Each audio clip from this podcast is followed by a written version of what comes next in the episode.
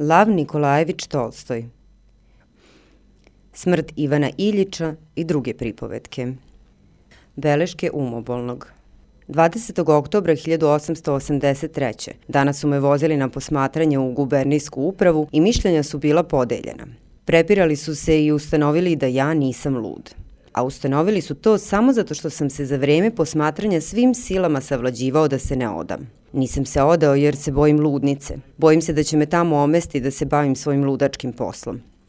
Zaključili su da sam sklon afektima i još nešto tome slično, no inače da sam zdrave pameti. Oni su tako zaključili, ali ja znam da sam lud. Lekar mi je prepisao lečenje, uveravajući me ako se budem strogo pridržavao njegovih propisa da će to proći. Sve što me uznemiruje proći će. O šta bih ja dao da to prođe?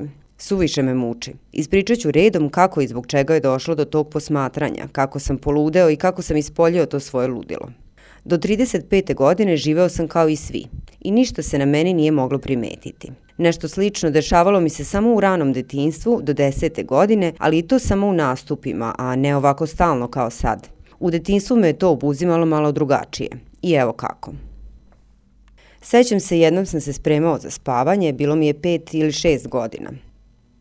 Dadilja Jevpraksija, visoka, mršava, u mrkoj haljini, sa kapicom na glavi i mlohovom kožom na podvaljku, svukla me i stavila u krevet. Ja ću sam, sam, progovaram ja i prekoračujem ogradu. Hajd lezite, lezite, Feđenka. Vidite kako je Mitija dobar, već je legao, kaže ona, pokazujući glavom na brata. Ja skačem u krevet, držeći je stalno za ruku. Zatim je puštam, praćaknem se nogama pod pokrivačem i uvijem. Silno mi je lepo. Smirujem se i mislim, ja volim dadilju, dadilja voli mene i Mićenku, a ja opet volim Mićenku, Mićenka voli mene i dadilju.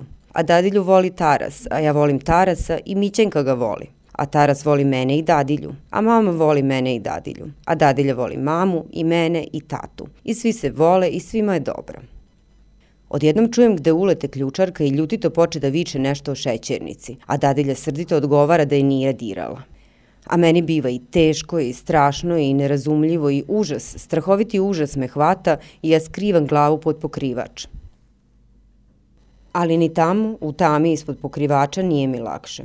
Prisjećam se kako su jedan put predamnom tukli dečaka, kako je on vikao i kako je strašno lice imao foka kad ga je bio. Hoćeš još, hoćeš još, govorio je i neprestano ga tukao.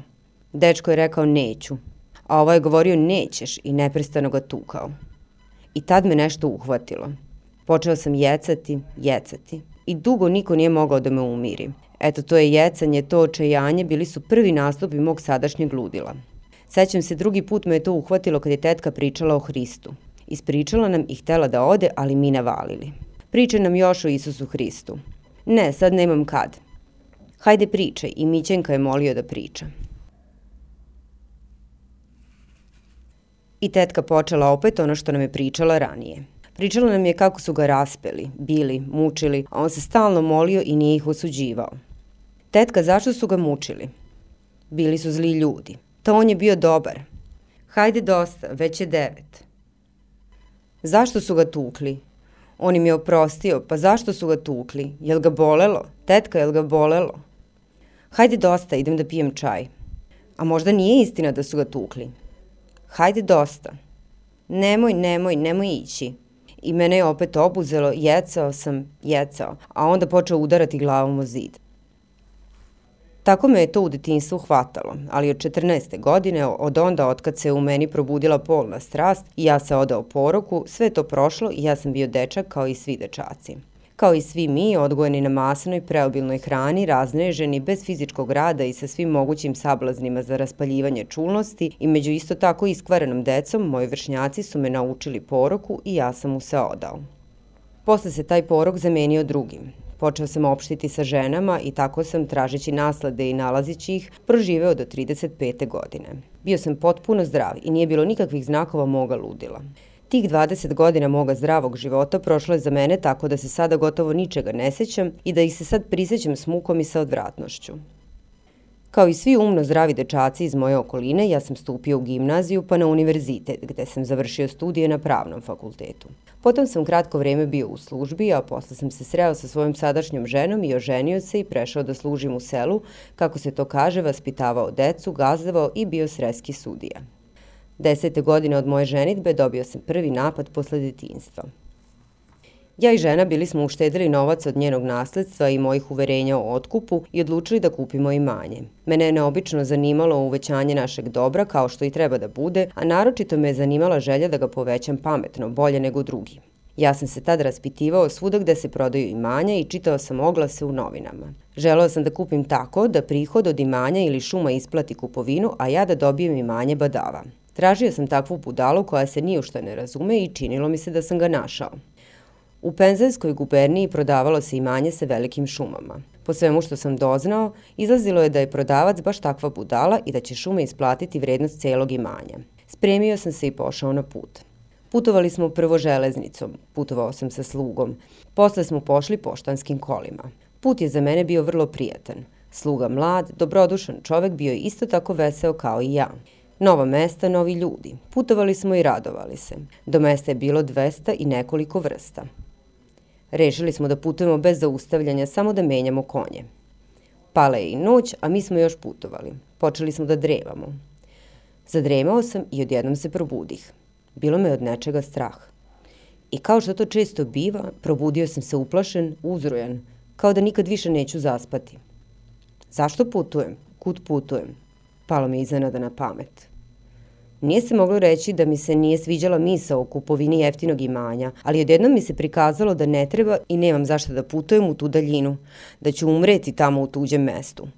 I uhvatio me strah. Sergej sluga probudio se, iskoristio sam to da malo porazgovaram s njim. Zapodenuo sam razgovor o tome kraju, on je odgovarao, šalio se, ali meni je bilo dosadno. Prešao sam na razgovor o ukućanima, o tome kako ćemo kupiti imanje. Bilo mi je čudnovato kako on veselo odgovara. Njemu je sve bilo veselo i dobro, a meni sve mrsko. Ali ipak dok sam razgovarao s njim bilo mi je lakše. Ne samo što mi je bilo dosadno strašno, već sam počeo osjećati umor, želju da se zaustavim. Činilo mi se ako uđem u kuću, vidim ljude, napijem se čaja i što je najglavnije ako zaspim, piće mi lakše. Približavali smo se gradu Arzamasu. Šta veliš da se zaustavimo ovde, da se malo odmorimo? Baš bi to divno bilo. Je daleko od grada? Od onog stuba oko sedam vrsta. Kočiješ je bio staložen, uredan i čutljiv. Vozio je sporo i dosadno. Krenuli smo. Začutao sam, bilo mi je lakše jer sam unapred očekivao odmor i nadao se da će tamo sve proći. Putovali smo, putovali po pomrčini, činilo mi se užasno dugo. Došli smo do grada. Sav svet je već spavao. U tami se ukazale kućice, zazvučalo zvonce i konjski topot, naročito odjekujući kao što obično biva pored kuća. Naišle su kuće, ponegde i veće, bele. I sve je to bilo sumorno. Čekao sam stanicu, samovar i odmor da legnem. Na posledku smo pritarali uz neku kuću sa stubom. Kućica je bila bela, ali mi se učinila užasno tužna, tako da me je čak strah obuzeo. Polako sam sišao sa kola. Sergej je žustro i brzo izvukao šta treba, trčkarajući i lupkajući po tremu. I bat njegovih nogu ulivao mi je tugu. Ušao sam. Bio je to nekakav hodničić. Sanjivi čovek sa mrljom na obrazu, mrlja mi se učinila užasna, pokazao mi je sobu. Soba je bila mračna. Uđoh, bi mi još strašnije. Ima li sobe da se odmorim? Ima sobice, evo ova. Čisto okrečena kvadratna sobica. Kako li mi je pamtim teško bilo što je ta soba bila baš kvadratna. Prozor samo jedan sa crvenom zavesom. Sto od karelijske breze i divan sa izvijenim naslonom. Uđo smo. Sergej pristavi samovar, popari čaj, a ja uzeh jastuh i legoh na divan. Nisam spavao, nego sam čuo kako Sergej pije čaj i mene zove. Bilo me strah da ustanem, razbiću san, a sedeti u toj sobi je strašno. Nisam ustao i zadremah. Sigurno sam i zaspao jer kad sam se trgao nikoga u sobi nije bilo i bio je mrak. Isto tako sam se probudio kao i u kolima. Osećao sam da nikako ne mogu zaspati. Zašto sam došao ovamo? Kuda se vozim? Od čega kuda bežim? Bežim od nečeg strašnog i ne mogu da pobegnem. Uvijek sam sa sobom, a ja sebi baš i jesam težak. Ja sam, to je ono, ja sam sav tu. Ni penzensko, nikakvo drugo imanje mi neće ništa dodati ni uzeti.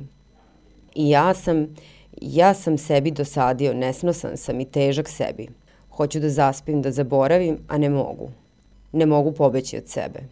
Izašao sam u hodnik. Sergij je spavao na uzanoj klupi sa opuštenom rukom, ali je spavao slatko i čuvar sa mrljom je spavao. Izašao sam u hodnik, misleći da pobegnem od onoga što me je mučilo, ali ono je izašlo za mnom i zamračilo sve. Mene je isto onako još većmo bio strah. Kakva je to glupost, rekog sam sebi. Što se mučim, čega se bojim? Mene, nečuno odgovor i glas smrti. Ja sam tu. Ne ježih se. Da, smrti. Ona će doći, eto je, a ne bi trebalo da je bude. Da meni zaista predstavila smrt, ja ne bih mogao osjećati ono što sam osjećao, tada bih se bojao.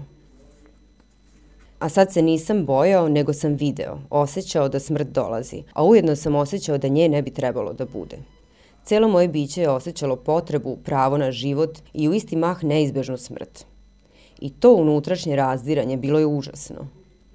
Pokušao sam da stresem taj užas. Našao sam bakarni svećnjak sa nagorelom svećom i zapalio je. Crveni plamen sveće i njene veličina, nešto manja od svećnjaka, sve isto govorilo. Ničega nema u životu, postoji samo smrt, a nje ne bi trebalo da bude. Pokušao sam da mislim o onome što me je zanimalo, o kupovini o ženi. Ne samo što nije bilo ničeg radosnog, već je sve to postajalo ništavno. Sve zaklanja užas zbog mog života koji propada. Treba zaspati. Legao sam, ali tek što sam se spustio, skočio sam od užasa. I muka, muka ista onakva duševna muka kakva biva pred povraćanje, samo duševna. Tegovno, strašno.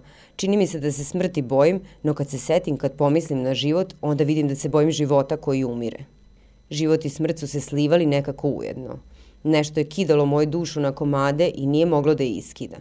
Još jedan put sam pošao da vidim usnule, još jednom sam pokušao da zaspim, ali jednako taj isti užas, crven, beo, kvadratan. Nešto se kida, ali se ne raskida. Mučno i mučno hladno i pakosno, ni truna dobrota nisam osjećao u sebi, nego samo ujednačenu mirnu srđbu na sebe i na ono što me stvorilo. Šta je mene stvorilo? Bog, vele, Bog. Pade mi na um da se molim. Odavno, već 20 godina nisam se molio niti u šta verovao, iako sam zbog pristojnosti svake godine postio i pričešćivao se. Počeo sam se moliti. Očitao sam gospode pomiluj, očenaš, bogorodicu. Počeo sam izmišljati molitve. Počeo sam se krstiti i klanjati do zemlje, obazirući se i plašići se da me kogod ne vidi. Kao da me je to razgalilo, razgalila me bojazan da će me neko videti. I ja legoh. Ali samo što sam legao i zaklopio oči kad me opet to isto osjećanje užasa strese i podiže. Nisam mogao više da podnosim, razbudim čuvara, razbudim Sergeja, naredim da se preže i mi krenu smo. Na vazduhu i u pokretu bi mi bolje, ali sam osjećao da mi je nešto novo zaselo u dušu i otrovalo ceo pređašnji život. Pred noć stigo smo na metu. Celog dana sam se borio sa svojim čamotinjom i savladao sam je, ali u duši osta strašna čama. Kao da mi se desila neka nesreća koju sam mogao samo privremeno da zaboravim, no koja mi je bila u dubini duše i vladala mnome. Stigli smo uveče. Starčić upravnik, iako ne baš radosno, krivo mu je bilo što se imanje prodaje, ipak me primi lepo. Čista sobica sa mekim nameštajem. Nov sjajan samovar, veliko posuđe za čaj, med uz čaj. Sve je bilo dobro ali ja sam se, kao da je to stari zaboravljeni zadatak, nerado raspitivao za imanje. Sve je bilo neveselo. Noć sam ipak prespavao bez čamotinje. To sam pripisao tome što sam se uveče opet molio. Posle sam počeo živeti kao i ranije, samo se od tada strah od te čame stalno nadvijao nadamnom. Morao sam da živim bez zaustavljanja i, što je glavno, u starim okolnostima – Kao učenik što po navici ne misleći govori svoj napamet naučen zadatak, tako sam i ja morao živeti da me ne bi opet savladala ona užasna čamotinja koja se prvi put pojavila u Arzamasu. Kući sam se vratio srećno. Imanje nisam kupio, nisam imao dovoljno novca i počeo sam živeti kao i ranije, samo s tom razlikom što sam se počeo moliti i odlaziti u crkvu. Činilo mi se kao i ranije, ali kad se sad prisećam toga, ipak nisam živeo kao i ranije. Živeo sam onako kao što sam ranije započeo. Produžio sam da se pređašnjom snagom kotrljam po koloseku ranije uspostavljenom, ali nisam preduzimao ništa novo. I u onome već započetom sve sam manje učestvovao. Sve mi je bilo dosadno i postao sam pobožan. Žena je to primećivala i grdila me i gunđala zbog toga. Kod kući se čamotinja nije ponavljala. Ali jednom otputovah iznenada u Moskvu. Preko dana sam se spremio, uveče pošao na put – Ticalo se neke parnice. Veselo sam doputovao u Moskvu. Uz put sam razgovarao sa Harkovskim spahijom o gazdinstvu, o bankama, o tome gde ćemo odsesti, o pozorištima. Rešili smo da zajedno odsednemo u Moskovskoj gostionici na Mjasnickoj i još iste večeri da odemo na Fausta. Stigo smo. Uđoh u malu sobicu. Težak zadah hodnika ostade mi u nozdrvama. Vratar unese kovčeg. Sobarica upali sveću. Sveća planu, posle se plamen pritaji, kao što uvek biva. U susednoj sobi neko kašljucnu, sigurno nekakav starac. Sobarica izađe, vratar ostade i upita me da li da razveže stvari. Plamen živahnu i osvetli plave zidne tapete sa žutim prugama, pregradu, rabatan sto, divančić, ogledalo, prozor i uzen prostor cele sobe. I jednom se arzamski užas pomače u meni. Bože moj, kako ću ovde da noćim, pomislih. Molim te, prijatelju, razveži, rekoh vrataru, samo da ga zadržim. Što pre da se obučem pa u pozorište. Vratar razveza. Molim te, prijatelju, svrati do gospodina u broj 8 što je sa mnom doputovao i recimo da ću odmah biti gotov i da ću doći k njemu. Vratar izađe, ja se poček žurno oblačiti, bojaći se da pogledam na zidove. Tričarije, pomislih. Čega se bojim, baš sam dete. Utvara se ne plašim. Da, utvara. Bolje je bojati se utvara nego onoga čega se ja bojim. Čega? Ničega sebe. Eh, gluposti. U tome sam bio navukao tvrdu hladnu uštirkanu košulju, uvukao dugmeta, obukao kaput nove cipele i otišao do Harkovskog spahije. On je već bio gotov. Pođo smo na Fausta. On svrati još da ukovrča kosu. Ja se počiša kod Francuza, porazgovarah s njim, kupih rukavice. Sve je bilo dobro. Potpuno sam bio zaboravio dugačku hotelsku sobu i pregradu. U pozorištu je takođe bilo prijatno. Posle pozorišta Harkovski spahija mi ponudi da odemo na večeru. To je bilo van moga običaja, ali kad smo izašli iz pozorišta i on mi to predložio, setio sam se pregrade i pristao. U dva sata vrati smo se kući. Ispio sam preko običaja dve čaše vina, te sam bio malo veseo. Ali čim uđe smo u hodnik sa uvučenom lampom i mene zapahnu mir iz gostionice, prođeše me žmarci od strave. Ali šta sam mogao da radim? Stisnu prijatelju ruku i uđoh u sobu. Proveo sam užasnu noć, goru nego u Arzamasu. Tek sam pred zoru, kad je već za vratima počeo starac da kašlje, zaspao i to ne u postelji u kojoj sam nekoliko puta legao, već na divanu. Cele noći sam neizdrživo patio. Opet mi se nesnošljivo kidala duša od tela. Živim, živeo sam, moram da živim i odjednom smrt, uništenje svega. Čemu onda život? Umreti? Ubiti se ovog trenutka? Bojim se. Očekivati dok dođe smrt? Još gore se bojim. Znači živeti. Zašto? Da bi se umrlo. Nikako nisam izlazio iz tog kruga. Uzimao sam knjigu, čitao. Za trenutak se zaboravljao i opet isto pitanje i užas. Legao sam u krevet, zatvarao oči. Još gore. Bog je to stvorio. Zašto? Vele ne pitaj, nego se moli. Dobro, molio sam se. I sad sam se molio opet kao u Arzamasu. Ali tamo i docnije molio sam se prosto kao dete. A sad je molitva imala smisao. Ako postojiš, otkri mi. Zašto? Šta sam ja? Metanisao sam, čitao sve molitve koje sam znao, izmišljao svoje i dodavao. Ta otkri mi. Pa bih se pritajio i čekao odgovor. Ali odgovora nije bilo, kao da i nije bilo nikoga ko bi mogao odgovoriti. I ja sam ostajao sam, sam sa sobom. I davao sebi odgovore umesto onoga koji nije hteo da odgovara. Zato da bi se moglo živjeti u budućem životu, odgovarao sam ja sebi. Onda zašto ta nejasnost, to mučenje? Ne mogu da verujem u budući život. Verovao sam kada nisam svom dušom pitao, a sad ne mogu, ne mogu. Kad bi tebe bilo, ti bi rekao, meni, ljudima. Ali tebe nema, ima samo očajanja a ja ga neću, neću. Pobunio sam se. Tražio sam od njega da mi otkrije istinu, da mi otkrije sebe. Činio sam sve što i drugi čine, ali on se nije pokazivao. Tražite i daće vam se, padalo mi je na pamet, i ja sam tražio. I u tom traženju nalazio sam ne utehu, nego odahnuće. Možda nisam ni tražio, nego sam ga se odrekao. Ti od njega na pedalj, a on od tebe na aršin. Nisam verovao u njega, nego sam tražio. I on mi ipak ništa nije otkrio. Ja sam se obračunavao s njim i osuđivao ga, prosto nisam verovao. Sutradan sam zapeo i sve snage da u toku dana svršim sve poslove i da se izbavim od noći u hotelskoj sobi. Nisam sve svršio i noću sam se vratio kući. Mora nije bilo. Ta moskovska noć iznenadila je još više moj život koji je počeo da se menja od Arzamasa. Sve više sam zanemarivao poslove i počela me obuzimati apatija – i zdravlje mi je počelo popuštati. Moja žena je zahtevala da se lečim. Govorila mi je da moje rasuđivanja o veri, o Bogu potiču od bolesti. Ja sam znao međutim da moja slabost i bolest potiču od nerešenog pitanja u meni. Trudio sam se da izbegavam pitanje i da u obiknutoj sredini ispunim svoj život.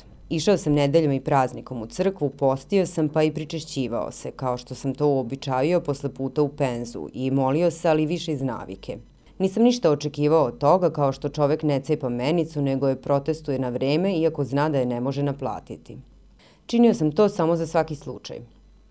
Svoj život nisam ispunjavao gazdovanjem, ono me odbijalo svojom borbom, nisam imao energije, već čitanjem časopisa, novina, romana, kartanjem u male sume i jedino ispoljavanje moje energije bilo je lov po staroj navici.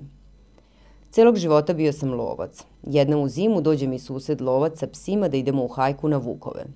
Pošao sam s njim. Skijama se uputi smo na mesto. U lovu nismo imali sreće, vuci su se probili kroz obruč. Čuo sam to iz daleka i pošao kroz šumu za svežijim zečim tragom. Trag me je izveo daleko na proplanak. Na proplanku sam ga i našao. Skočio je tako da ga nisam ni video. Pošao sam natrag kroz staru šumu. Sneg je bio dubok, skije su tonule, grančice se preplitale. Zaglušje je bivalo oko mene sve veće.